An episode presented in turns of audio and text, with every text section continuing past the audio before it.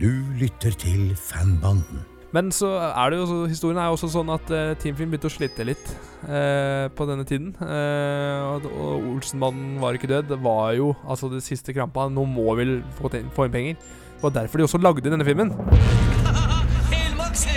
Jeg har en plan. Er fader. Nei, steng av du da, Kjell. Jeg mener, det er vanskelig.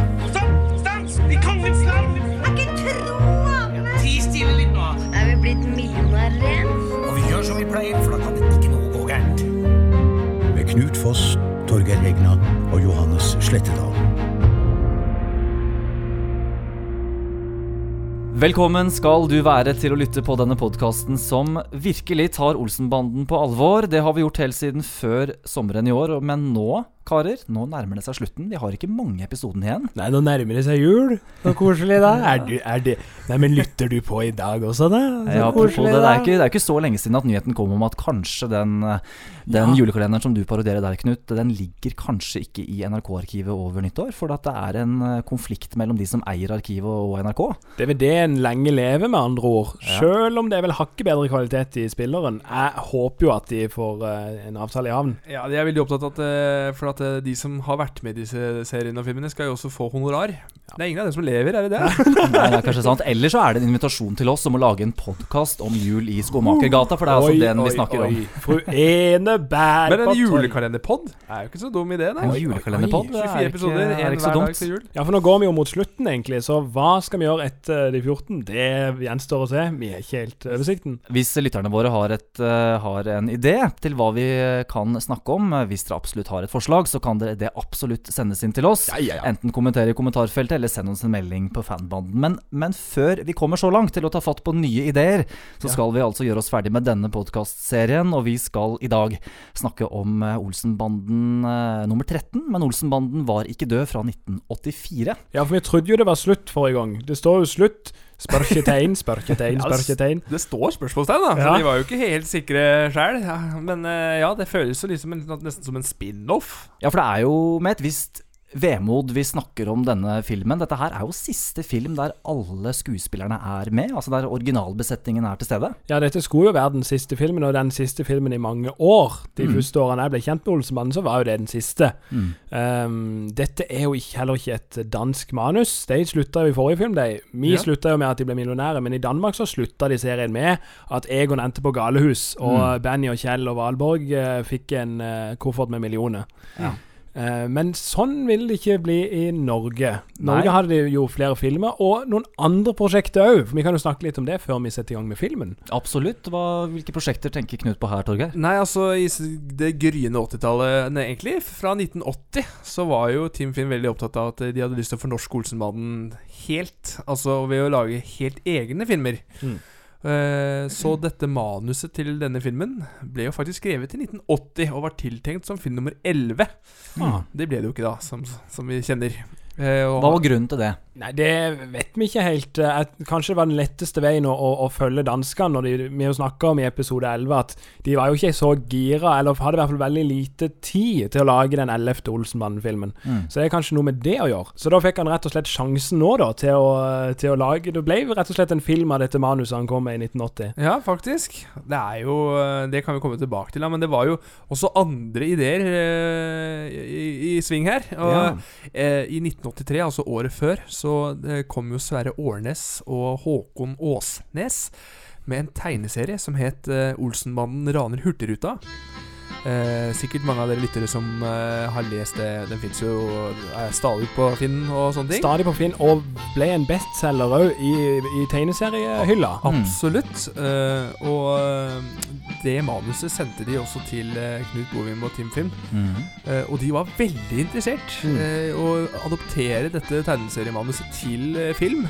Men så Det var jo et ganske stort prosjekt. Ja. De hadde jobba med Tut og kjør-filmen med Hurtigruta tidligere. Ah. Så de Mm. visste at uh, der har de dårlig tid Ja. hvis de skal bruke samme Hurtigruta-båt. Uh, så de fant ut at uh, det var så mye logistikk, da. Så Ja. Så da blir det vanskelig. Olsenmannen fikk ikke innta Hurtigruta, rett og slett. Det ble Munch-maleriene istedenfor. Ja, og så søkte de også staten, da, det skal sies, eh, for dette det var jo så stort. Og selvfølgelig så fikk Olsenmannen nei, for det var jo ikke Det var tradisjon, det. Det var tradisjon, det. Ja, så det ble ikke noe av den. Nei, det som også er tradisjon, er jo at vi eh, tar lytterne våre gjennom filmen vi skal snakke om i dag. I dag skal vi altså snakke om En Olsenbanden var ikke død fra 1984. Og i dag så er det Torgeir som tar oss gjennom film nummer 13.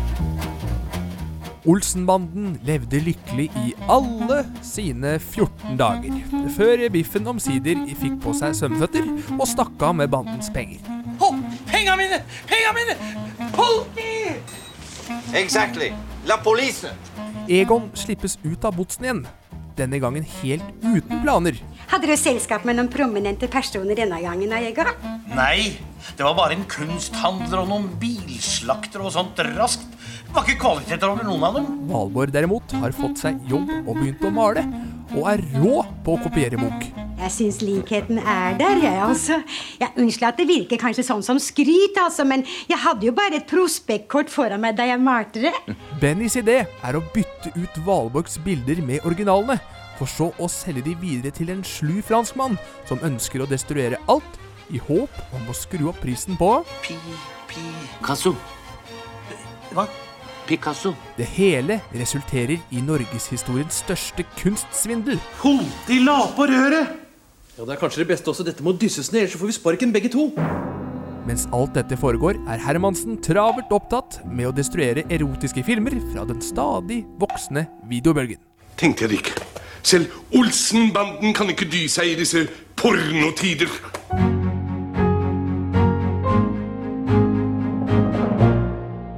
Ja, og filmen hadde premiere 6.9. Det var ikke flere enn 270 000 nordmenn som så filmen på kino. What? Men den omsatte for 5,7 millioner, så billettinntekten har kanskje gått noe opp for pris per billett. Men, Det men det det. var få som så filmen. Ja, og hvis vi tenker at forrige film var jo nærmest rekord. Det var oppe i 570, eller noe sånt. Ja. Hva har skjedd på to år? Det er som du nevnte, det er videobølgen som har Ja. eh, tatt over landet. Ja, videobølgen, og at eh, de, de runda jo av for to Mm. år siden. Olsenmannen var kanskje ferdig Nei, folket var kanskje ferdig med Olsenmannen da. Ja, og det, som vi snakka om, at det trakk vel publikum at det var den siste Olsenmann-filmen. Ja. Så det, det har kanskje litt med det å gjøre. Det har kanskje noe med det å gjøre, men, men eh, gutter, de starter jo der de slapp for to år siden, Ja. 1982. De starter på Fornebu sammen med Politiorkesteret. Ja. Og eh, de tar flyet videre til eh, NIS. Og hva er det som skjer i NIS? Eller Nice, som jeg liker å Nice. Det er jo det som står! Det var det jeg sa før. Ja, de, ja, de lander jo på Aeroport Nice Côte d'Azur. De er på Rivieraen, og der så blir det et eh, bytte av leiebil med musikk fra film nummer åtte. Er det sånn? Ja, stemmer det. Og eh, det ble vel nevnt i forum òg at eh, flyet som letter og flyet som lander, er ikke det samme. Mm. Det er mellomlanda, vet du. Men, men hva er det som skal skje her i NIS? Egon han sier det jo så fint selv. Først så unner vi oss to ukers ferie i sus og dus. Og da kommer vi til et oversiktsbilde. Ja. To uker senere, står det, eller 14 dager senere. Ja. Og det oversiktsbildet, det, mm, det måtte de jobbe litt med for å få i land. Fordi Ja. at det var en svenske som hadde en leilighet Oppi oppe der som det bildet ble tatt, da. Han var ikke svensk, han var helt alminnelig full. Men i hvert fall han ville Han sa greit, eh, dere kan gjøre det gratis, men kan dere fikse ei palme som jeg kan ha på toppen av, av, le- av den, denne terrassen, da? Og det, or det ordnet de, Ja. som ble fløyet med helikopter. Ja, ja, ja, og det ble dyre greier, tror jeg òg, så jeg vet ikke om det ble en så god deal. Men uh, du kan se i boka bilder fra når, når han fyren her er skikkelig Altså, jeg vet jo ikke hvem dette er, men han ser veldig jappete ut med mobiltelefonen i forgrunnen der. og- Men de fikk bildet sitt. De fikk, eh, de fikk absolutt bildet sitt, og de er iført morgenkåpene fra også nummer åtte. Ja, de kom, men nå er de på en yacht. De er på en Yacht. yacht, og der ser vi Veslemøy Fosse Re som serveringsdame og Alan Hausby som skipperen. Rett og slett, altså Her og senere i filmen òg, de, er de reiser vel til samme location senere i filmen igjen. Ja, det er samme by i hvert fall. Ja, samme by. Men jeg tenkte Og da, og da er det mange som jobber bak kamera, som er da har tatt rollene foran kamera. Ja, dette er jo virkelig filmen hvor nesten hele teamfilm Til og med Mattis Mathisen skal dukke opp her seinere, Ja. som er fotograf. Ja, for det står jo også i boken at det er 22 uh, medarbeidere. Altså to Totalt så er det 22 personer som blir flydd ned til NIS. Eh, Alt til sammen ble forsikret, og kostnaden ble på over en million, faktisk. Oi, oi, oi. Står i boka. Men det jeg tenkte på, det er jo at uh, dette er jo den eneste gangen vi ser at Olsenmannen er lykkelig rike. Det å være fattig er ikke noe å strebe etter, men det å være rik, det er mye verre. Jeg syns dette dagdriverlivet er best om natta, jeg. Du, det er tilfeldigvis en sånn tusing som til hårkreaturen. Ja, det, er- det er barbereren, altså. Å, du er genial, Egon. Ja, for det er det ikke nummer åtte. Nei, for det er jo det som, det er jo det som Altså, han er jo veldig lik nummer åtte, men som du sier, Torgeir, altså der drivkraften der er jo at man ser de ikke er lykkelige, eh, og det er setup for det som skal foregå i, i resten av filmen. Men her er det liksom ja, litt flatt, vil jeg nesten si. At det, det er bare Her har vi det godt, og nå har vi det godt. Nå koser vi oss. Ja, nå koser vi oss lidderlig. Og veldig lang eh, intro også. Det, er, så det Ja. tar jo ganske lang tid før vi blir uh, introdusert for eh, Ove Hansen, da, som eh, har jo vært med på vei over. Han kjørte til og med flyet, til og med. Ja. Ja, ja, både pilot Ja, sånn, og skurk. sånn sett så har det jo veldig tidlig i filmen at han dukker opp uh, bak en palme. Igjen en palme. palmen. Det er kanskje den som du løfter opp. Uh, så du har en trussel nokså tidlig der, men ja, det er mye sånn Ja, nå har vi det greit. Og så kommer jo som sagt Biffen inn.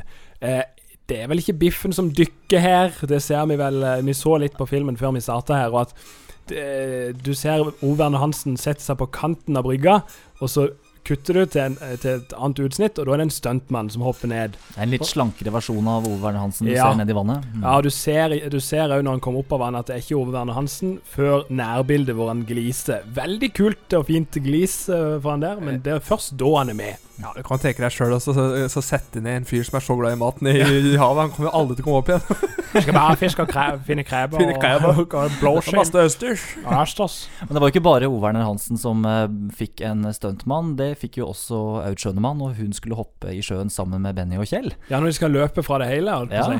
Men det, det er jo én ting, men det at Karsten Byring òg Hvor gammel er han da? Eh, Han er vel Nærmere 70. Ja, Ja, 66, tror jeg. ja og hoppe ut i vann der, altså eh, Det, det er sprekt gjort, altså. Hvis du har et veldig trent øye, du trenger kanskje ikke å ha det engang, så ser du jo at Valborg eh, betydelig har en, en stunt kvinne der. For hun er jo mye mer sånn raskere i kroppen. Så ikke jeg beveger meg ut på det landet du gikk i forrige episode, Torgeir. Men, eh, men du ser at det er en stuntkvinne, da. Mer smidig. Mm. Vi har jo en historie fra der Kjell legger fram eh, lua si i NIS mellom opptakene og begynner å synge 'Kjerringa med staven'. Plutselig så legger jo han merke til at det er veldig mange forbipasserende som begynner å legge penger i lua hans. Han blir jo ganske, ganske blyg eh, av det, men, men en artig historie. Ja, jeg tror Karsten var litt sånn. Jeg, han var, sånn- jeg tror han var veldig glad i mennesker. Glad i mennesker og finner på sprell, tydeligvis. Ut ifra det jeg hørte fra Det var jo Aud Schønemann som fortalte denne historien her. Ja. Så øh, jeg tror nok han var en veldig artig figur å henge med. Men apropos det at du nevnte, Knut, at de er lykkelige i denne filmen. Eh, Kjell er jo kanskje ikke så lykkelig når han er i NIS, for han får jo ikke lov til å drikke og ha så stort Ja. konsum som Johan ønsker. Det er vel det eneste setupet som følger resten av filmen, egentlig. Dette med at han ikke kan At han bare må drikke Farris. Nei, men du tåler da vel ikke kampare, du vet det, Kjell. Mademoiselle, Perrier, bitte. Altså champagne til mor. Hva var det du bestilte nå? Perrier. Det er Frankrikes svar på Farris. Og det er du godt av, vet du. Avslutningsvis eh, så ser vi jo at uh, tyrefekterne fra film nummer seks eh, dukker opp på kaien. Det kan i hvert fall virke som det er de samme. Ja. La police. La, la police. Det er god i fransk, da, disse folka. Ja, ja, det er ikke så mye å lære, da. La police. Oui, oui.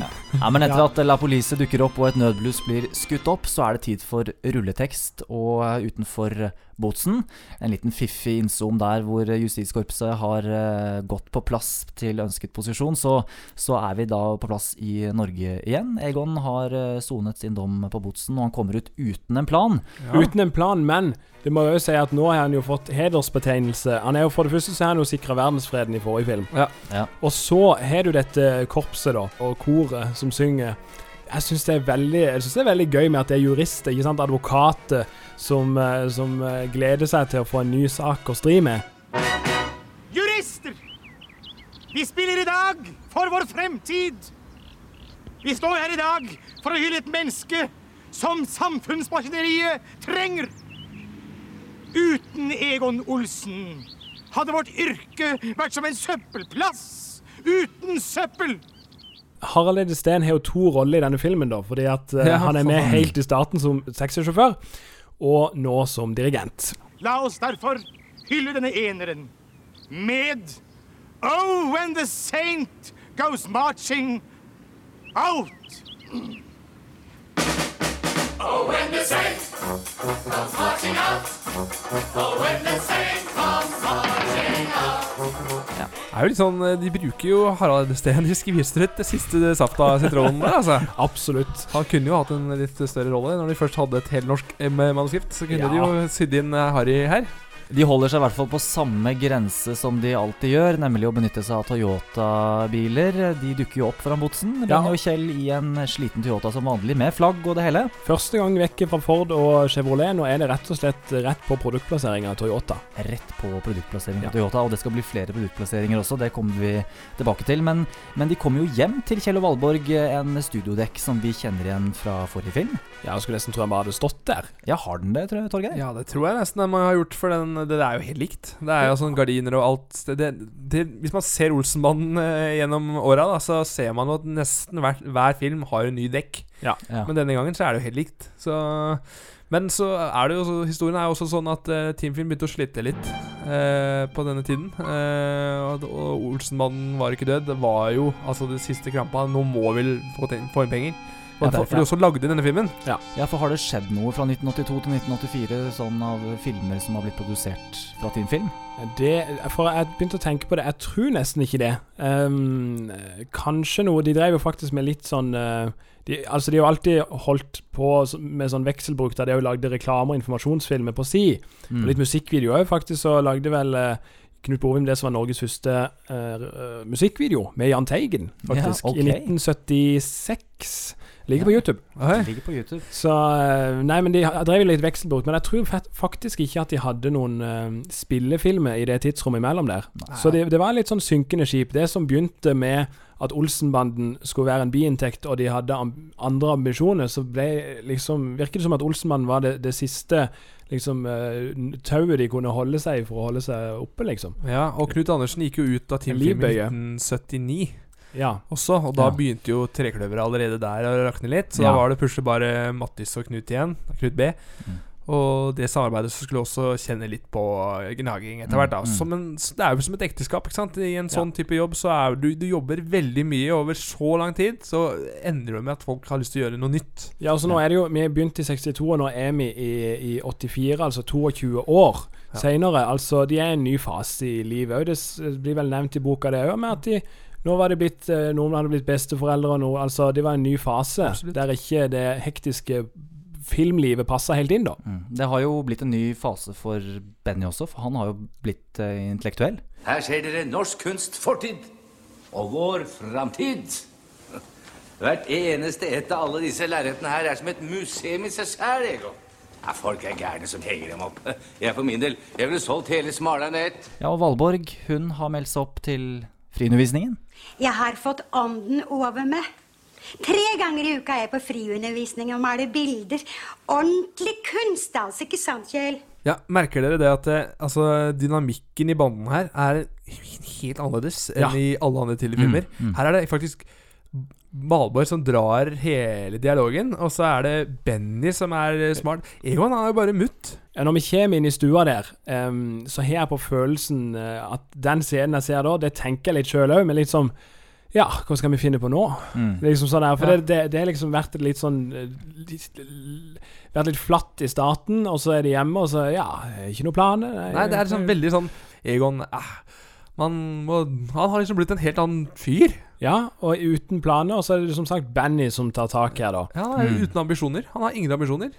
Mm. Nei, Det kan virke som at hvis du sammenligner stemningen som dere sier da, fra forrige film, så er det tydelig at der var alle genuint interessert i å gjøre en god skuespillerjobb. Men Ja. her virker det som at Arve Oppsal, eksempel, som er veldig flink til det, sikkert, Mm. eller som var veldig flink til det, han skrudde bare på skuespillerknappen Ja. og viste at dette her var penger å tjene. Jeg f gjennomfører en Olsen-bande til. Men, men Valborg, genuin spilleglede. Ja. Det samme syns jeg Benny har, men selv om Karsten, Kjell, sliten.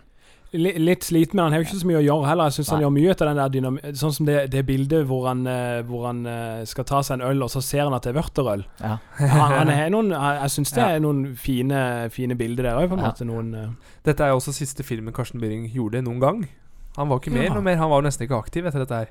Nei. Han begynte jo å bli gammel òg, da, vil Ja. merke. Eh, men apropos det der med at eh, kanskje Egon ikke Eller Arve ikke var fullt så gira, eh, det vet vi jo. Fordi eh, eh, Knut Bovim og Arve var jo gjesta jo i et eh, NRK-program som het eh, Zoom med Pål Bang-Hansen. Ja. Det var jo i forbindelse med denne filmen. Mm. Og da uttrykte jo Arve rett ut at eh, alle, som, alle var glad for at eh, denne filmen ble uten at vi som skulle spille, fordi han eh, var Han blir bare sett på som eh, Egon Olsen uansett Ja. hvor han går. Og, Hvem er Arve? Det er nei, bare. Egon som lever. Han, han, han var drittlei nå, altså. Ja, jeg det, tror det. Det syns også, faktisk. Det Ja. er synd å si det, men det gjør det. Ja, det er litt på autopilot. Ja. Uh, og det er rett og slett Benny her som tar tak i filmen.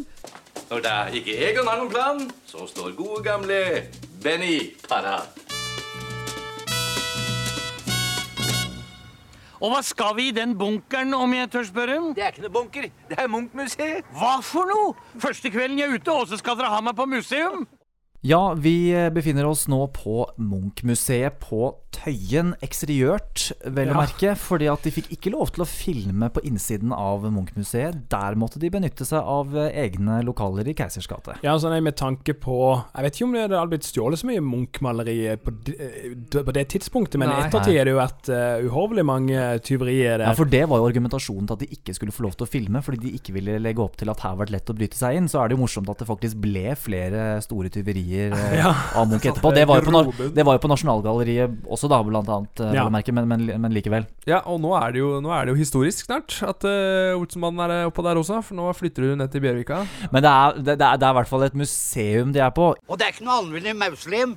Det er Valborgs arbeidsplass også. som Kjell eh, sier det. Det er mange Munch-malerier i eh, sving. Det er eh, 27 bilder eh, totalt som er malt av hun som var gift med han som skrev manuset til denne filmen, Gustav Ja. Kramer. Hun heter Rigmor Rigmor, faktisk. Rigmor eh, Saue Kramer. Hun malte altså 27 bilder på 1 12 måned. Det er ganske imponerende. Ja, det var vel snakk om at de eh, faktisk måtte eh, vente på at malinga hadde tørka før de kunne begynne å filme. Altså Ja. Det var så tett opp til opptak. Jeg har jo fylt et helt uh, atelier, holdt jeg på å si. Altså et Ja. et museum der, så det, er, godt, det er godt gjort. eh, Godt gjort altså. jeg tror de er maksa ut av det de får til i Keisers gate òg, for det er nokså stor dekk. Mm. Jeg tror nok det er i Keisers gate òg, for som jeg sa i forrige episode, så er det samme gulv som Ja. hos Høye Nord. Ja. Eh, Så jeg ser for meg at det er det. Ja, jeg tenkte altså, for du ser de der eh, Hva heter det? I søylene. Søylene, ja. Søy- Søyleteater. Det er det det heter. Ja, at kanskje det er inkorporert, at det er ekte. Ja, men jeg tror det, faktisk. Ja, mulig det er At det. de brukte det. Ja. Ja. Ja, Munch-museet de ville jo, selv om ikke de f- ga Team Film lov til å filme der, så ga jo de egentlig instrukser om at alle bildene som ble brukt i innspillingen, måtte destrueres. Ja. Det ble jo ikke tilfellet, men de fikk et sånt Team Film-påtrykk på baksiden. Ja. Og syv av de bildene som er brukt i filmen, henger hjemme hos eh, Knut Bovim. Og to av dem er jo også i, i vår eh, eie. Mm. Vi har jo to av dem. Ja, Mm. rett og slett. Sånn er det, men, men det skjer jo mye inne på Munch-museet. Mm. Olsenbanden begynner jo å, å bytte bilder ganske kjapt. Ja. og for å avlede, avlede vakta, så er det Kjell som får den jobben med å spørre etter Schiflers samlede verker. Skif Schiflers samlede verker. Så raska på nå, da. Ja, Det er vel Schiflers katalog over Munchs verker de mener? Ja takk. Og helst både A- og B-katalogen. Og det er jo da Alf Malland som er tilbake. Gode, gamle Alf. Alf Malland er en av guidene på Munch-museet, og da passer det bra å gå gjennom eh, filmens biroller.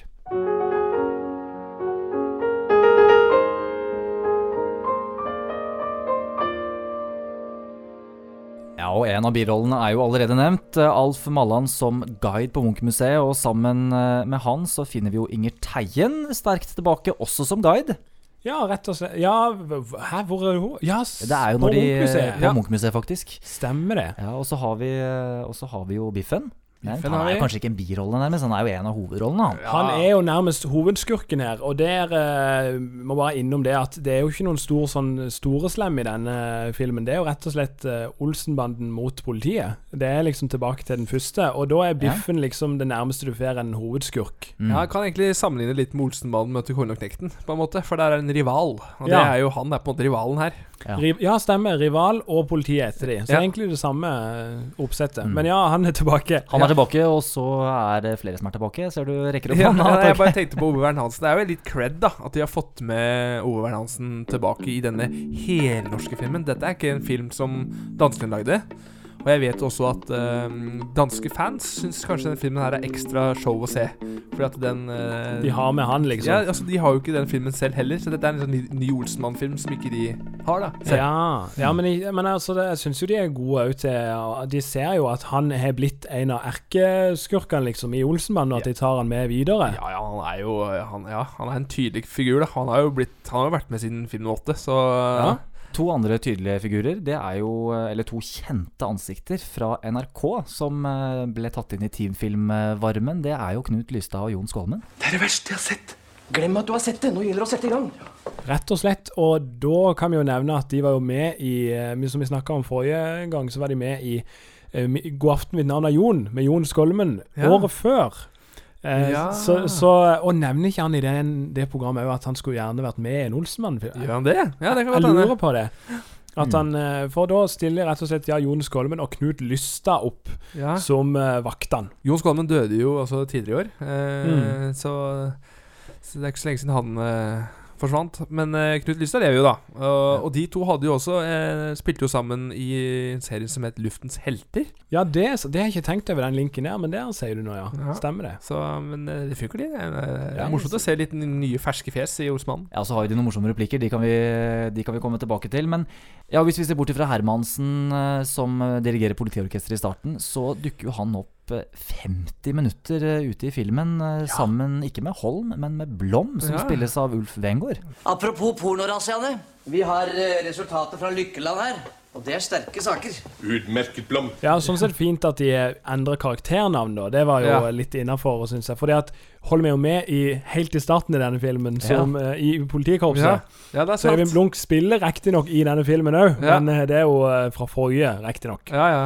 Og Hermansen har jo blitt litt sånn eldre. Han går med briller for første gang her. Har Ja, sånn- skikkelig 80-tallsbriller. Ja, skikkelig 80-tallsbriller. Og så Ja. har han jo en he Nå er han tilbake litt i film nummer åtte-land. At han sitter og dikter på en sang. Ja. Og eh, Blom har jo heller ikke så veldig mye Nei, han er ikke noe misjon, han. Han er, han er nesten bare med i Han er med i Én scene, ikke det? Er det kanskje bare én? Ja, det bare er en. den første scenen hvor vi Ja. møter Hermansen. Ja, Ja, stemmer. stemmer det. Så, men da får de lagt opp at at det, er, at det er porno som nå er det tilbake fra første film. Ja. Med at uh, nå er det jo på video. Som er det. Nå er det ikke blad lenger, og sånt, men nå er det rett og slett videoen som, eh, som truer med pornografisk innhold. Og Hermansen ble jo på førtidspensjonert i forrige film. Ja, det også. Ja, så han er jo Ja, altså, det stemmer det. De glemmer seg hele tida. Ah, Det er dårlig med research til manusskrivningene. Men når de kommer til NIS for andre gang, så er det jo noen eh, velkjente skuespillere vi blir møtt av der, Torgeir. Vi møter jo Per Tofte. Ja. Som er en fransk mann. Han er jo norsk skuespiller, da, og lever jo den dag i dag. Vi har snakka om han tidligere, i film nummer syv. ja, Den danske herren. Danske Ja. herren. Da har han jo ikke noen replikker, men det er jo iallfall samme mann. Ja. ja. Han var vel eh, med i noen teamfilmproduksjoner. Jeg mener på han var Ja, han var med i den eh, tre. Filmen som heter Tallet tre. Den Ja. som eh, var dedikert til Simone de Bois. Ja. ja. Som førte til dedikert til eh, Jean-Paul Sartre. Ja, og Sammen med Per Tofte så har vi Jan Panderovsen også i NIS. Han spiller jo uh, hoffnarr, holdt på å si. Ikke det? Hovmester. Hovmester. Sammen med Mattis Mathisen, faktisk. Hans eneste cameo, som du nevnte før vi gikk på Ja, innspilling her. Ja, det, det må jeg si, da, at uh, eh, denne gangen så var jo alle ektefellene med ned Ja. til, eh, til, til, NIS, eh, bortsett fra Sverre Holm, som- for han var eh, holdt på å si singel. Men han møtte den store kjærligheten der nede. Kari Anne Holm. Ja. Mm, på flyet ned til NIS. Det gjorde de. Og Oi. de ble ikke sammen der og da, men noen år etterpå så møttes de igjen. De gifta seg, de. Ja. Så det var en, fin uh, slutt for Benny, da. Ja. Sverre i løpet av han tror jeg faktisk var eh, på en måte enslig ganske store deler av Olsenmannen-tiden.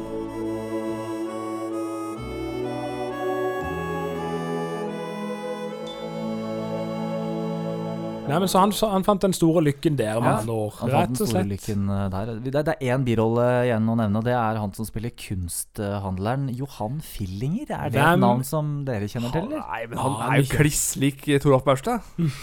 ja. Men, men, men han eh, Altså, jeg, jeg tror ikke helt på han, men samtidig så har han jo en god innlevelse. Fenomenalt. Hvor er han henta fra? Er han henta Ja. fra Riksarkivet, eller? Fenomenalt. Han hadde jo faktisk eh, en karriere fra London, leser jeg her nå. Han jobbet mye på, fra teaterscenen. da Å ja, ok. Um, Ja, men han gjorde ikke så, han gjorde ikke så stort inntrykk, syns jeg. Han, var ikke, han er jo ikke en skurk, sånn sett. Han gir ikke noe inntrykk, syns jeg. Men du sa det var siste, men vi har jo en uh, skuespiller til. Vi har Arnold Petersheim tilbake Ja, som ja, en liten stemmer rolle. Klør han seg på huet? Nei. Nei. det var det Han har caps. ja, så da går det ikke. Men er du sikker på at dette er moralsk forsvarlig? Ja, men Du må da forstå det at bildene til Valborg er mye mer verdt enn dette sølet til han derre Munch. Dessuten så henger bildet hennes trygt oppbevart borte på museet, hvor hun, kan passe på det sjæl, ikke sant? Jo. Men husk, det må bli mellom vårs gutta. Ikke et ord til av Valborg. Valborg hun kommer hjem med skrik, og banden begynner med tepperulling. Problemet er jo bare at eh, samtidig som banden gjør det, så gjør Valborg det samme. Ikke med tepper, men det byttes jo bilder her, og vi klarer jo knapt å henge med. Ja, eh, jeg tenkte på en ting her. Fordi eh, Egon sier til Kjell og, og Benny at dette, dette, denne planen, denne ideen, må de holde kjeft om. Så tar det nøyaktig 30 sekunder, så sier Benny det til Valborg. Vi tar bare et, et par av bildene til Valborg og bytter med dem som henger i bunkeren. Bunkeren? Ja, ja, Eller museet, da, om du skal være så fin på det. Penger og kapital er det eneste dere tenker på. Men det sier jeg deg, Benny, at krysser du for meg på museet, så skal det være siste gang du sitter her. Men da vet jo hun også om den planen. Men likevel så bytter hun om. Ja, for, ja, de sier det vel rett ut, Ja, det gir ikke mening. Det er så men det er veldig lite som gir mening på de byt bytting av bildene. Ja, for skal vi jo pense inn på det Altså, det er jo et eh, Det er jo helt forferdelig vanskelig å følge med. Kanskje vi skal ta det når vi har gått gjennom Ja, vi gjør det, filmen litt sånn det, ja. avslutningsvis, og se om kanskje vi har fått det med oss når vi har gått gjennom. Ja, vi kan komme med hver vår teori om hvor, hvor, det lander i Vi gjør det. Det som jeg syns er gøy å se, er måten Egon, eh, når, når, når Kjell og Benny er i full gang med, å, med te, i tepperulling, så ser du da altså Egon som går ned Ja. mot teppet på en forferdelig rar måte. Går sånn sakte ned med sigaren i munnen. Ja, men du ser det, det bildet der når han bøyer seg ned, det er noe rart med utsnittet, og du har litt motlys. Veldig rart bilde. Dere to på egen hånd er verre enn Heland og Halland. Og så er det veldig rart at han plutselig har en brødkniv med seg. Hvordan visste han det? At de skulle åpne den teipen? Det er ingenting som henger på greip i denne filmen her. Men, men ok, gutter. Bare hør på det her. Jøss! Vasker du bildene? Nei da. Jeg har bare en rammeavtale. Ja, Vi nevnte jo det i forrige film. Er det et stikk til, eh, til diskusjoner som pågår i Teamfilms eh, korridorer? Ja, jeg skal se det kanskje det. Men igjen, eh, men noe jeg mer reagerer på, er liksom humoren. For altså Hadde de sagt det i tidligere filmer? Liksom, det er en litt sånn rar Er det krampaktig? Det er krampaktig. Jeg syns eh, de oversatte vitsene fra Danmark eh, tidvis er bedre enn de norske her. Ja, Altså. nå er vi nesten på det nivået som eh, de NRK-klippene, hvor Olsenmann står og har Og forteller vitser. Forteller vitser. Vi er der, Ja. syns jeg, da. Mm. Det er litt sånne trauste bondeknølvitser kontra litt mer spissparka fra den danske, selv om selv om de måtte oversette det, så hadde de iallfall en viss uh, baktanke der, da. Ja, og så veldig få stikk til hverandre Ja. generelt. For det er jo ofte de som sitter Som, som, som man husker mest fra Olsmann, der hvor man gjør noen forskjellige stikk til hverandre i banden. Ja. De, er, de er på bølgelengde gjennom hele filmen her. Det som, det som jeg også syns er litt interessant For Egon presenterer jo det når de kommer hjem igjen eh, i stua til Kjell og Valborg. Planen er jo å tømme hele Munch-museet. Ja. Og så kommer Valborg hjem og presenterer at det har blitt eh, satt i gang nye sikkerhetstiltak. Ja. Da igjen, det der med veldig snartenkthet. 30 sekunder går, og plutselig så har Egon en ny plan om at jo, da må vi til Video Inferno og skaffe overvåkningsutstyr. Ja, men det, det er vel ikke nytt eh, fra Olsenband. Vi snakka vel om i, i, i film nummer 11 at det gikk veldig raskt ifra, ifra at kom... Strøm ble lagt ned til de kom hjem. Så Ja, var det men at de fortsetter i hvert fall linja som de har i Ja. denne filmen, da. Ja, ja, det er sant. Det Mm. er sant. Absolutt. Jeg tenkte også på det der med franskmennene som vil kjøpe bildene, Mm. for så ødelegger dem. Franskmennene skal ta rotta på Munch. Ja, Men åssen da, Egon? Jo, det er et fransk konsern som kjøper opp all betydelig europeisk kunst og makulerer den. Makuler? Ja, brenner hele dritten. Men hva i heiteste Ja, de skal skru opp prisen på han uh, Pi... Pi... Casso. Hva? Picasso. Akkurat. Og det er der vi kommer inn. Det, det gir jo ingen gevinst for oppkjøperne ved å kjøpe opp alle Munch-maleriene, for så å ta li, altså drepe det. De sitter vel ikke på Picasso? Nei. Nei, men det, det har vel noe med at Nei, han nei, de- kunstforhandleren er i et miljø der de ønsker enkelte bilder fra enkelte land. For at hvis det er mindre okay. tilbud, så blir det høyere etterspørsel på Ja. de dyre Ja, ok da, bildene. det er kanskje noe sånt. Så for deg er det en nobel, eh, nobel uh, gjerning å, å bli kvitt andre Mm. malerier eh, med en sak om at Picasso skal økes i verdi. Men er Picasso fransk? Picasso er vel uh, Er det ikke italiensk? Ja, jeg tror det. så, så det gir ikke så mye mening, det Nei, heller. ikke det heller. Men uh, også Olsmann pleier å være De er jo ikke nasjonalistiske her, da. De er jo litt sånn uh, Ja. Skal vi brenne opp Munch? Ja, det er jo det. Det er jo de største skattene vi har av eh, maleri. Og så her skal de, ingen bli profet i eget land, som Egon sier. Ja, men altså, det er totalløp ifra fra å være de snille skurkene mot de store slemme, så er Olsenmann her rett og slett blitt de store slemme. Hvor ble det av kamporganisasjonen Olsen for Norge? Ja. Nei, men vi var jo kort inne på det. Det er ikke bare Det er ikke bare én produktplassering i denne filmen, det er flere. Og vi nevnte det så vidt. Video Inferno. Der blir vi møtt av en kraftig produktplassering fra Sony. Ja, det, det er jo spikra opp eh, i huet og ræva. Altså, det er jo på utsida og på over kassa så er det jo 40 Sony- Sony-logoer rett på sida Ja, det er ikke få, altså. Og han som står bak disken der, det er Gustav Kramer. Det er som han? skrev eh, denne, dette manuset. Ja vel? Sammen med Knut Bovim. Nei, kona til Knut Bovim. Ja, sånn er jeg med hvem som skrev. Ja, sånn, ja, nettopp. Ja, Nei, det er ja, sant. Ja. ja, og ikke så langt fra Video Inferno. Der er Olsenbanen nødt til å få tak i en uh, Klapper. klapper og Ja. da får vi være med på Knut Bovim sin uh, cameo. Ja, og da går vi plutselig inn i meta igjen. Da, er vi, da, da, da reiser vi til, tilbake der som de som produserer Olsenmannen, rett og slett. Da står det bare igjen å få tak i en klapper. Klapper? Ja, du, kjør ned i Keisers gate, og så parker der. Hvorfor det? Utafor atelierene til Teamfilm. Og møter regissøren. Ja, Han har blitt parkometervakt, vel merker. Det går dårlig for Olsmannen. men òg Knut Bovims kommentar, kommentar, som er jo litt sånn intern, virker det Ja, som. det er Ja, det er greit. Altså, jeg tenker jo eh, de, Vi kan jo høre han først. Hører de til der inne? Ja, ja, ja. Nei, nei, nei. Er du sikker på det? Ja, ja. Ja vel. Det er ålreit, da. Greia her er vel at eh, Teamfilm eh, har det med å få bøter når de står utafor lokalet sitt. Tror dere ikke det? Ja. En internspøk, rett og Ja, slett. altså, jeg hører ut her. eh, Ja. Nei. Å nei. Nei, ja, det er greit, da. ok, så hvem som helst andre kan stå der. Men vi må ikke- bare høre på replikkvekslingen mellom eh, bandemedlemmene, for den syns jeg er ganske bra. Max hva gjør vi nå? Nå går det raka veien til Nedvart. Og du, Benny, du er nå utnevnt til fotograf i NRK. Kulturavdelinga. Og jeg, da? Du, du kan være scriptgirl. Men er ikke det sånn jentejobb, da? Ålreit, så er du klapperboy, da. Og sjæl så er jeg regissør.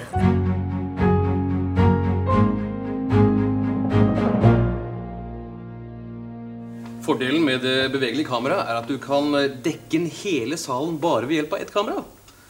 Jeg husker for et par år siden, ja det var den gangen det var vanlig med bare faste kameraer, da. Da var det faktisk en gjeng som eh, gjennomførte et kupp ved at de satte et fotografi av rommet foran linsa, og så jobbet de simpelthen bak fotografiet. Ja, helt utrolig. Det var den gangen, det. Men med dette kameraet sånn, som er bevegelig, da er det ulassagjørlig. Det går ikke an å gjennomføre det. Så det er sikkert. Jeg tenkte på det med Knut Lystad. Han refererer jo til kuppet på Høye Nord, han. For han Ja. sier at eh, for et par år tilbake så var det noen som gjorde et kupp bak et fotografi. Ja, ja, Da refererer han til forrige film. Det er jo faktisk litt kult, da. Ja, og vi må jo bare pushe fram dette, dette trikset med kameraet så godt vi kan, for det er jo det eneste av sånn genial eh, greie som er i filmen. Mm. Selv om det er en veldig teknisk, så savner en jo det derre Ja, vi trenger en, eh, en Botman-stol og sandsekker Ja, ja, det er noe litt annerledes, ja. Og litt sånn. Det er ikke Ja, det, ja, det er jo veldig fornøyelig å se det kameraet, da. Det var hjemmevideokamera på den tida. Svær Mm. spiller med enten VHS eller beta, kassett rett i veska, og kabel opp til kamera. Altså, sånn var det, rett og slett. Men det er en gøyal ting der, og det er at de spiller over på en gammel NRK-opptakskassett. Så det, det er litt sånn som vi kan kjenne oss igjen, da, Knut. Som Ja. eh, f f tok opp Olsmann-filmer eh, på 90-tallet og fikk Plutselig så var det en reklame med en annen film midt inni Ja, ja. Det, er en morsom gag, da. Men her savner jeg Harald Tusberg. Her er det noen, Kommer eh, tilbake med den der forbanna telefonkatalogen. Men vi er kommet inn vi- Men vi er kommet inn i kuppeland nå, kan vi ikke det? Ja, vi er kommet inn i Kuppeland Ja. fordi at nå er jo alle bildene byttet ut, og Olsenbanden drar til NIS. Ja, og de trenger jo å skaffe seg billetter. Ja.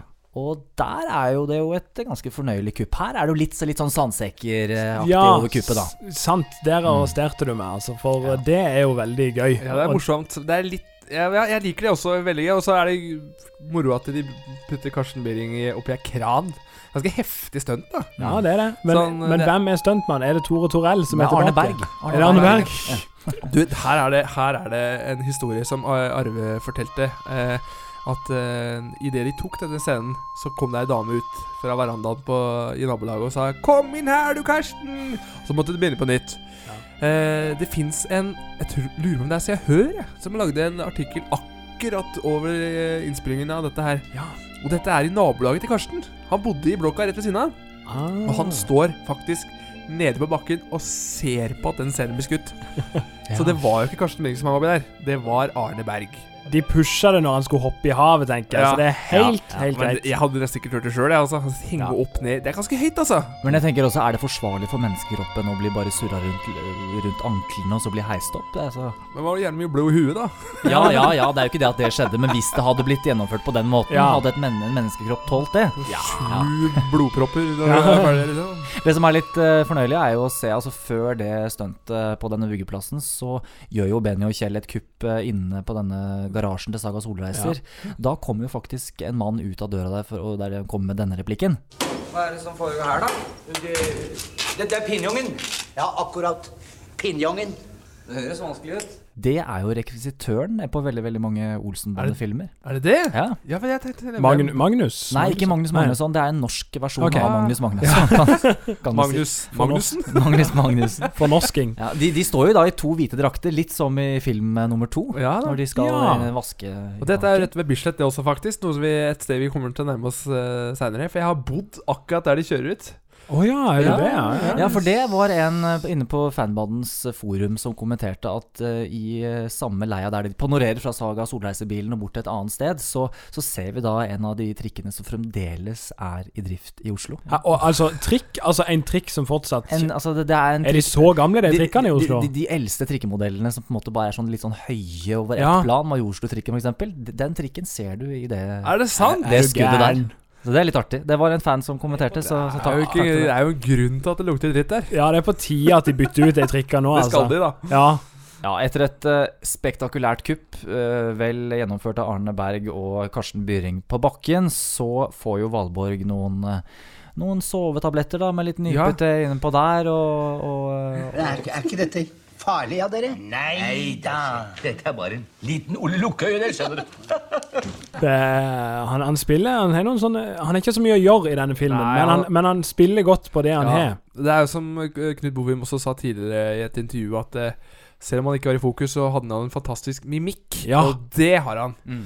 Altså Han spiller mye på mimikk, og det ser du i alle filmene hvor eh, eh, både Benny og Egon har liksom replikkene. Så er han så god til å spille nervøs og Ja. sånne ting. Skal vi spille eller skal vi stresse? Kom igjen, da. Det flimra på eneren.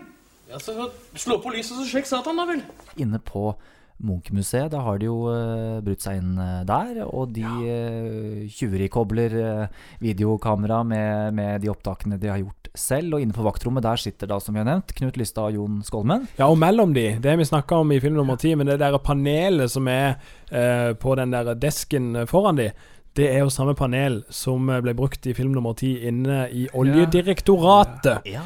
Der eh, det var HU, BH og diverse. Samme, samme knappe lyset. Ja, jeg ser det. Helt lik eh, formasjon. Jeg så også at når man ser på skjermene foran de, Ja. så har de overvåkningsbilder fra utsida ah, Ikke botsen, men av bunkeren, på å si. Ja. Det har jo ikke Olsenmannen tatt høyde for. Det men de, er, de har flaks, for de setter på et dataspill akkurat når de skal inn. Men det er ikke, ja, det er ikke normalt for Egon å ta sånne, Sånne forholdsregler. Nei. Nei. Det er liksom et lite brudd, da. Mm. Ja, det er det. Men så er det jo en bikkje i bildet her også. Ja, hva heter han? Satan. Satan, jeg hørte ikke. Ja, det er ei bikkje som er, er, er veldig Jeg vet ikke, Dyrevernbeskyttelsen burde vært inne i bildet her. Altså, i, På settet, mener du? Var det Nei, nei, nei, jeg i filmen. virkeligheten. Ja, ja, altså, ja, altså, Du, du har en schæfer som bor inni et Bur. tri, trist bur, og så skrur du på lys for å irritere den. Det er jo bare det verste dyre... Tortur. Og så sender du Karsten Byring til å bjeffe på den. Ja. Det er enda verre! og midt mellom all torturen så, så syns jeg det er en Vi har nevnt, vært inne på det før. Det er ikke alle replikkene som, som slår an. Men det er jo noen replikker da mellom eh, disse to vaktmennene inne på dette vaktrommet. Vi hører på de. Dette begynner å bli trøtte greier, altså. Det er jo akkurat som NRK, jo. Ja, dette her er jo et tydelig, en tydelig referanse til at det her var to vel kjente NRK-menn. Ja, ja, ja, det er sant. Og det er også morsomt sitat også når, eh, når bikkja drikker seg dritings. Og det er, vel, det er vel Egon som overtar for Kjell, for han drikker seg også dritings. og så sier Nei, dere, dere må høre. Reiser du deg opp nå, så slår jeg deg ned.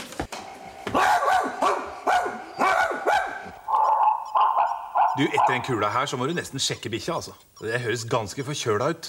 Jeg synes det er ganske morsom Ja, kommentar. det er en høydere på komikken her, rett og slett, i Ja. filmen. Ja, Og på den påfølgende, altså når Olsenmannen kommer seg ut og de ringer Hermansen, Ja. eh, så er det òg en av de mest fornøyelige scenene i filmen. Ja. Jeg er kriminalbetjent Hermansen. Ja, eh, God dag. Dette er eh, vaktmesteren på Munch-museet. Eh, det har skjedd noe meget mystisk her nå, og jeg må be om å få en av deres patruljebiler hit som mulig. Ja, Det er for tiden stor trafikk og ingen biler inne. Ja, det er altså Jeg, jeg krever assistanse. Jeg må tørre minne om at det her på museet er verdier for millioner, milliarder kroner. Og kan de kanskje fortelle meg hva som er viktigere enn det? Hør nå her, unge mann. Jeg liker ikke tonen deres. Her sitter jeg og utfolder meg kunstnerisk. Ja. Ja da, jeg lager nemlig festsang til polititjenestemannslagets jubileum. Og så ringer de. Ja, og der er du inne på Hermansen-scenen som vi var inne på kort i sted. Det tar altså 50 minutter, hvis vi ser bort fra åpningspreludiet, at Hermansen dukker opp i film nummer 13. Ikke Ja. sammen med Øyvind Blung som Holm, men da med Ulf Wengård som Blom.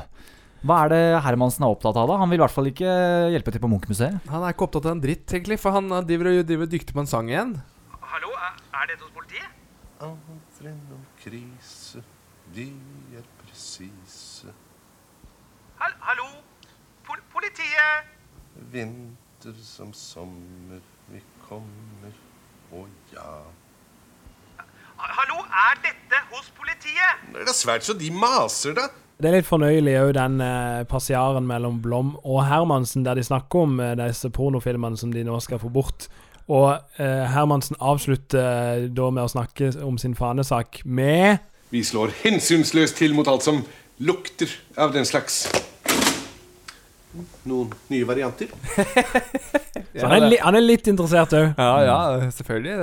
Legg merke til når Hermansen eh, er på razzia hos Video Inferno, så tar han den ene VHS-kassetten med pornografi inn under jakken. Ja, er det til eget bruk? Oi, oi, oi, oi. Han er en gris. Han er en eh, grisegutt. ja, nei, men, men de er på saken av pornografi, og, og Olsenbanden de er på saken av penger, for de drar til NIS. Jeg vil gjerne ha en eggelikør on the rocks med is. Ja, nei, Jeg la merke til en morsom eh, ting da, som jeg syntes var gøy. da Det var at eh, De, de tilkaller jo en taxi der nede. Mm. Og han som kommer ut av taxien, han ser ut som en Det må være en franske tvillingbroren til Leif Juster, tror jeg. ja! Han er kliss lik. Han er litt brunere, men eh, det er jo sikkert fordi det er mye mer sol der. Men uh. Men som vi hører her òg, altså den musikken som går her Altså, uh, i likhet med flyplassmusikken som er i Olsenmannens siste bedrifter, så klarer jeg ikke å slå fra meg den tanken når jeg er på flyplasset, at den musikken Ja. ruller. Eh, denne musikken vi hører nå, og den som er i siste bedrifter, når en rusher av gårde inn på, på Gardermoen. det er litt sånn jeg hadde det også med Olsenmann gå under vann. Jeg. Når jeg, I barndommen når vi var på sjøen, så var det sånn Å, en sjømann. Ja. Jeg er født altså i 1898.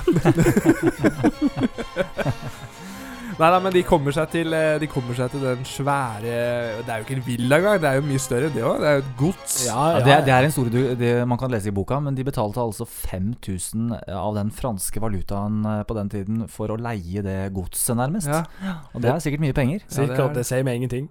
Men det er en veldig fin location. Ja. Men det er jo Valborg som gjør alt her. Ja. Olsenmannen, de drikker. Det er det de gjør. Jeg får si den har sparker. Tenker jeg har sparka fra seg, jeg. Åssen gikk det? Han vil ha tenkepause. Vel, får vi et mindre beløp, så blir det med takknemlighet. Får vi et større, blir det med begjærlighet. Og de drikker faktisk ekte vare, for her har Veslemøy Fossere blant andre, så vidt jeg tror. Jeg vet ikke hvorfor hun hadde ansvaret for det, men de har glemt å tømme flaskene øh, og erstattet dem med farget vann. Og skuespilleren sa ikke ifra til crewet om det. Så det ble litt tidlig fri den dagen. For at på et tidspunkt så var det sånn at nå kan vi ikke spille mer. Nei, nå. Kanskje det er grunnen til at Valborg tok hele scenen. det Ja. Legg merke til den utrolig fine studiodekken til kontoret til Per Tofte. Ja, den er det er veldig ikke, det er ikke lenge det kontoret er i, i ruta, men veldig forseggjort, som du sier. Absolutt. Ja, absolutt. Ja, det er veldig fine bilder, da. Det er jo, de viser jo et godt og frodig eh, Frankrike med fin park. Og Ja.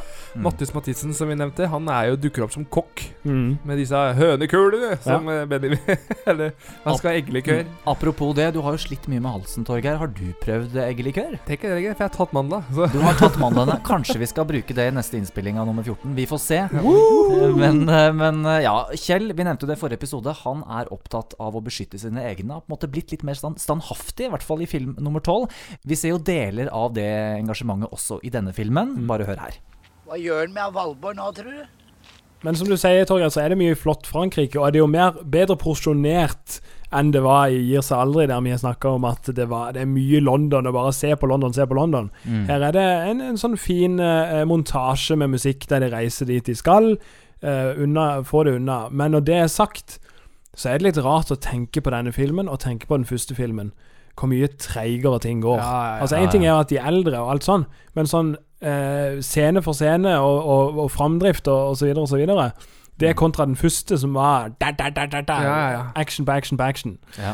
All Olsenbanden, eller det vil si fanbanden, ville i hvert fall kalt denne filmen Olsenbanden var halvdau, virker det som. Sånn, For at de var ikke ja. døde, men de var ikke veldig mye på energi. eh, Men dere, jeg, jeg, jeg, jeg har hengt meg opp Vi har snakka om det litt i stad også, at det, det er så mye rot med disse Med disse mm, maleriene.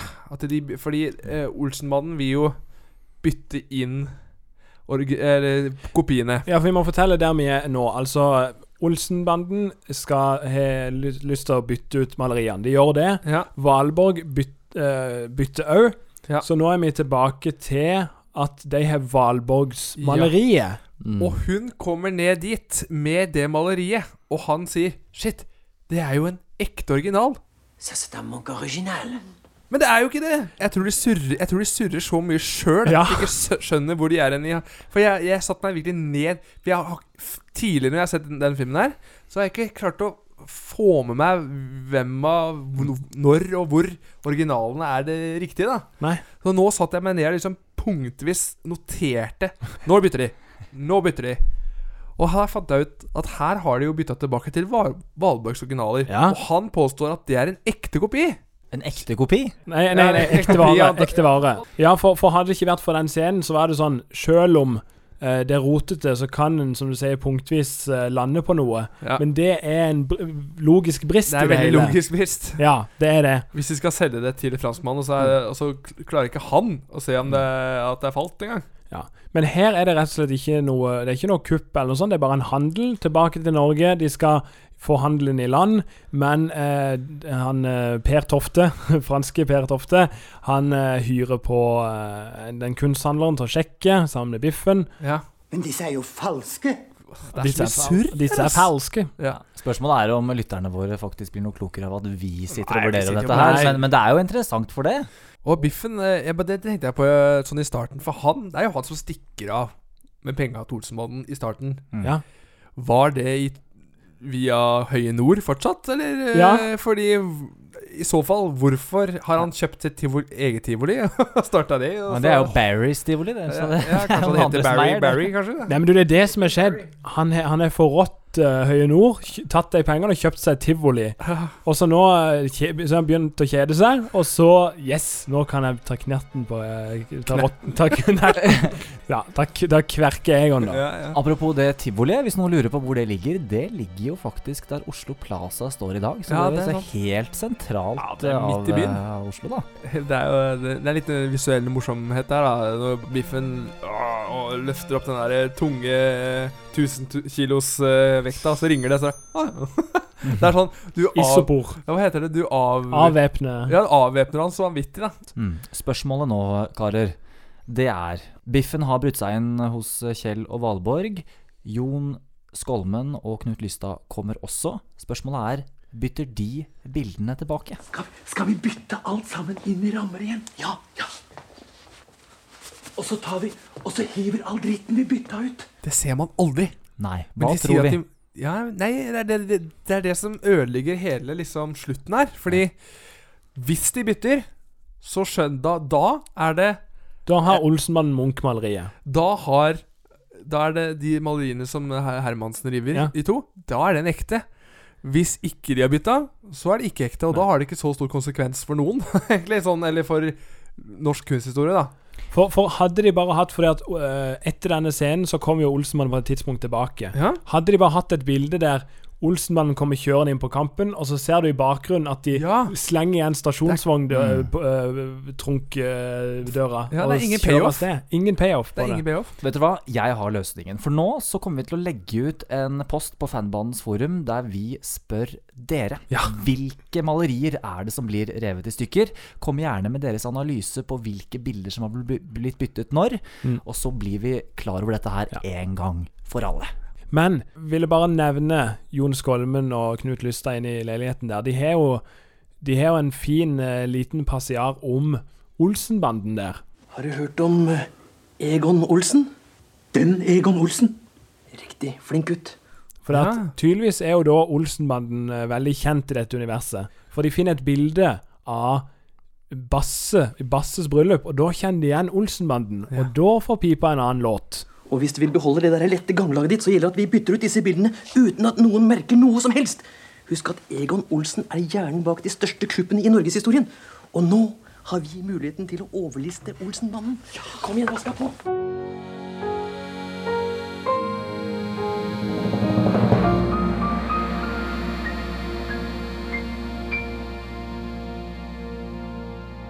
Olsenbanden lander på norsk jord. De lander på Fornebu, og de blir møtt av eh, Securitas-vakt Eller ikke Securitas-vakt, men i hvert fall Rico! vekter Ole Jørgen Nilsen. Hvilket armbånd har han på seg, Knut? Han har ingen armbånd. men hele banden, dvs. Si ikke Arve, for han er ikke til stede i denne scenen. Men de har på seg Saga Solreiser-capser hele bunten. Ja, ja, det er sp- sponsa i huet og ræva. Nei, men, ja, men eh, jeg tror de, de, de fikk nok ikke med Arve den dagen, og så ser du òg bandet går gjennom først, og så liksom vinker han til Egon i bakgrunnen der, liksom sånn, uh, for å late som at han er der. Uh, så det er litt fornøyelig. Hallo der. Hva er det? Det, er det reiseveska mi. Ja, de skjønner at jeg har støv på hjernen. Jeg skjønner, altså. Doktoren han mener at dette her, det er terapi, altså. Vær så god.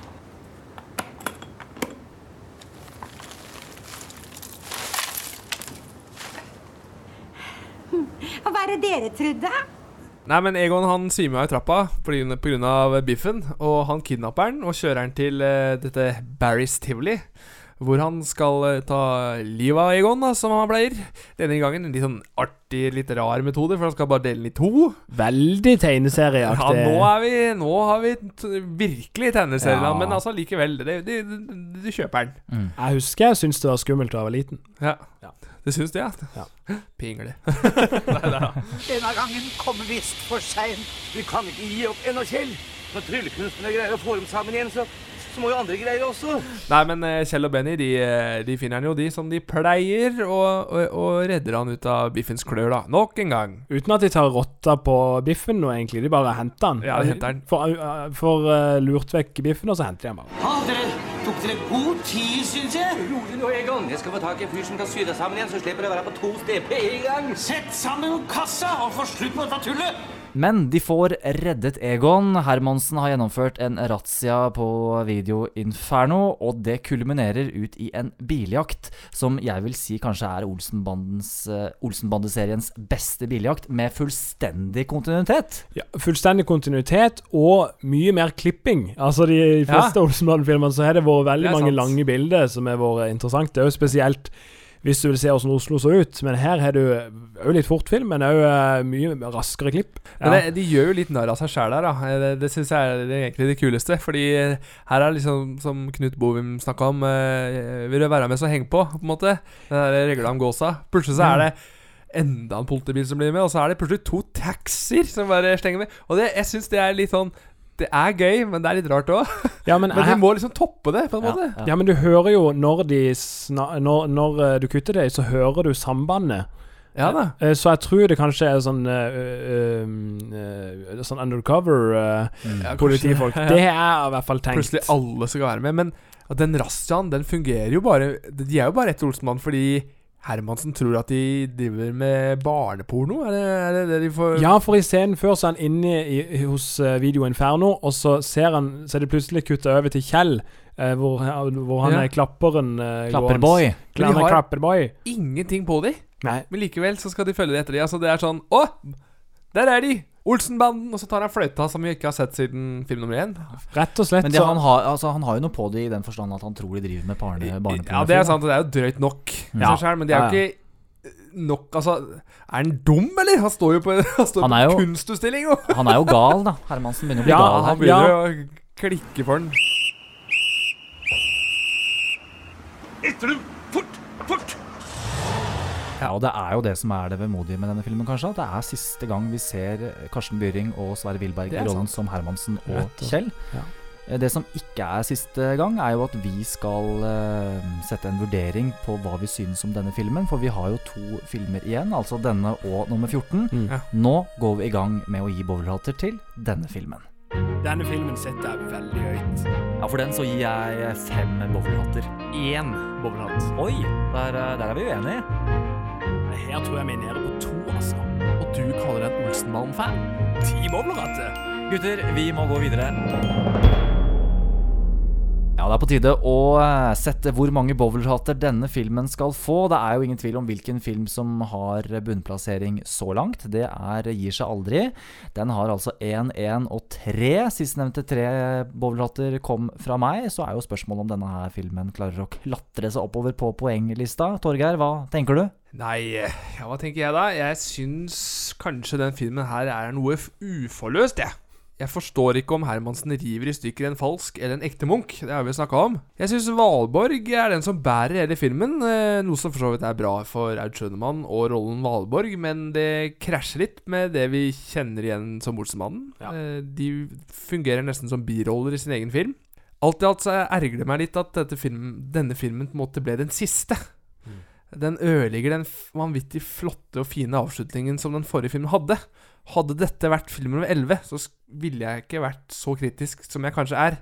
Men med tanke på at dette skulle være siste film for flere av skuespillerne, så syns jeg det Det ble litt monotont og dødt. Vær helt ærlig. Mm. Jeg kan jo jeg kan jo stille meg bak det du sier, eh, Torgeir, men for å trekke fram det positive da ved denne filmen, så syns jeg Eller jeg kan jo starte med noe negativt, for jeg har også mye negativt å si om filmen. Men, men i motsetning til film nummer tolv, der Kjell ser ganske friskt frisk og opplagt ut, så syns jeg han ser veldig sliten og lei ut i filmen. Det er tydelig at egentlig alle skuespillerne, i motsetning til Valborg, eh, ergrer seg på en måte. At de måtte gjennomføre én film til. Mm. Der alle egentlig hadde satt punktum i film nummer tolv. Valborg, som sagt, hun skinner. Og så syns jeg, selv om vitsene kan være litt sånn søkte og, og dårlige innimellom, så er det noen gode replikker. Vi har jo blant annet denne her. Ta imot penger uten å jobbe for dem? En fagmann som meg med yrkesstolthet? Nei, Egon Olsen tar ikke imot penger han ikke har stjålet. Og så syns jeg det er mye vakker musikk her. Noe av musikken kjenner vi igjen fra nummer åtte, som jeg har nevnt. Men, men musikken er med på å, å, å lydlegge hele filmen, som jeg syns løfter filmen tross alt. Og så er det flott scenografi.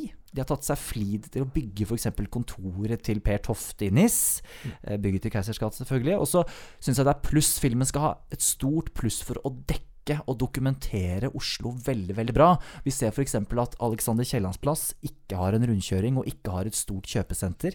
Vi Ah. ser hvordan eh, trikkene så ut. Ikke de fra 1979, men de før trikken som kjører gjennom Bislett. Ja. Og vi ser ikke minst hvordan Bislett stadion så ut Mm. før den ble pusset opp. Men igjen, det er en film som, som er, eh, er trist, da. At, at det skulle bli, eh, som du sier, den siste filmen. Selv om det kom en 1999, så, så Ja, ja. ble det på måte, mange måter enn den siste filmen. Mm. Likevel, synd at eh, de skulle, de skulle overgå film nummer tolv, for den sto seg veldig bra. Ja, er helt enig, og jeg skal være kort. jeg vil trekke litt sammenligning med nummer 11 her. Litt som du snak, vi snakka om, tynt manus og, og, og diverse, og noen plussider òg. Men jeg syns, som du sier, det, det er noen plussider her som ikke vi hadde i nummer 11, som gjør at det er en sånn grei, bedagelig Olsenbanden-film å kikke på. Eh, som er grei å ha på i bakgrunnen, fordi at du skjønner ikke noe uansett. Si. men er det da en god film? ja, er det det? Nei, det er jo ikke det. Men jeg vil likevel trekke den over eh, Gir seg aldri. Det vil jeg jo. Eh, jeg, kan ikke, jeg tror ikke jeg skal supplere så mye mer, for jeg syns dere har sagt det så bra sjøl. Jeg tror egentlig bare jeg skal gi en, eh, en, eh, et terningkast, en, eh, en bowlerhatt. Og da lander jeg denne gangen på en treer. Ja. Jeg lander på to over Gir seg aldri. Jeg lander på en femmer. Jeg gutter, jeg gir en ener, altså. Såpass? Hæ? jeg liker ikke den filmen. Jeg har aldri likt den. Det her Er er den sant? siste Olsenmann-filmen jeg så, og jeg, jeg, har, jeg tuller ikke hvis jeg har sett den kanskje fem ganger totalt. Ja, Men er den ikke bedre enn Gir seg aldri? Ja, ikke for meg. Sier du det? Ok. Men jeg er veldig glad for at det kommer en film til etterpå, da. Det må jeg Ja. si. Og jeg eh, Den siste, siste filmen, den, er, den, den eh, kommer nok til å gå på, altså. Ja. for nå er vi inne på siste ordinære episode fra oss. Det skulle altså ta 15 år før kinopublikummet fikk møte Olsenbanden igjen, Mm. i 1999. Jeg lover dere at det ikke tar 15 år før vi kommer med en ny podkastepisode. Den kommer om en uke. Vi kan jo høre et lite utdrag fra den filmen vi skal snakke om, da. Egon? Men slik var det ikke den gangen. Men Egon, Jeg hadde venner den gangen. er du ute? Du hørte en podkast fra Fanbanden. Vil du vite mer om Olsenbanden og hva som skjer i jubileumsåret 2019, følg oss på Instagram og Facebook.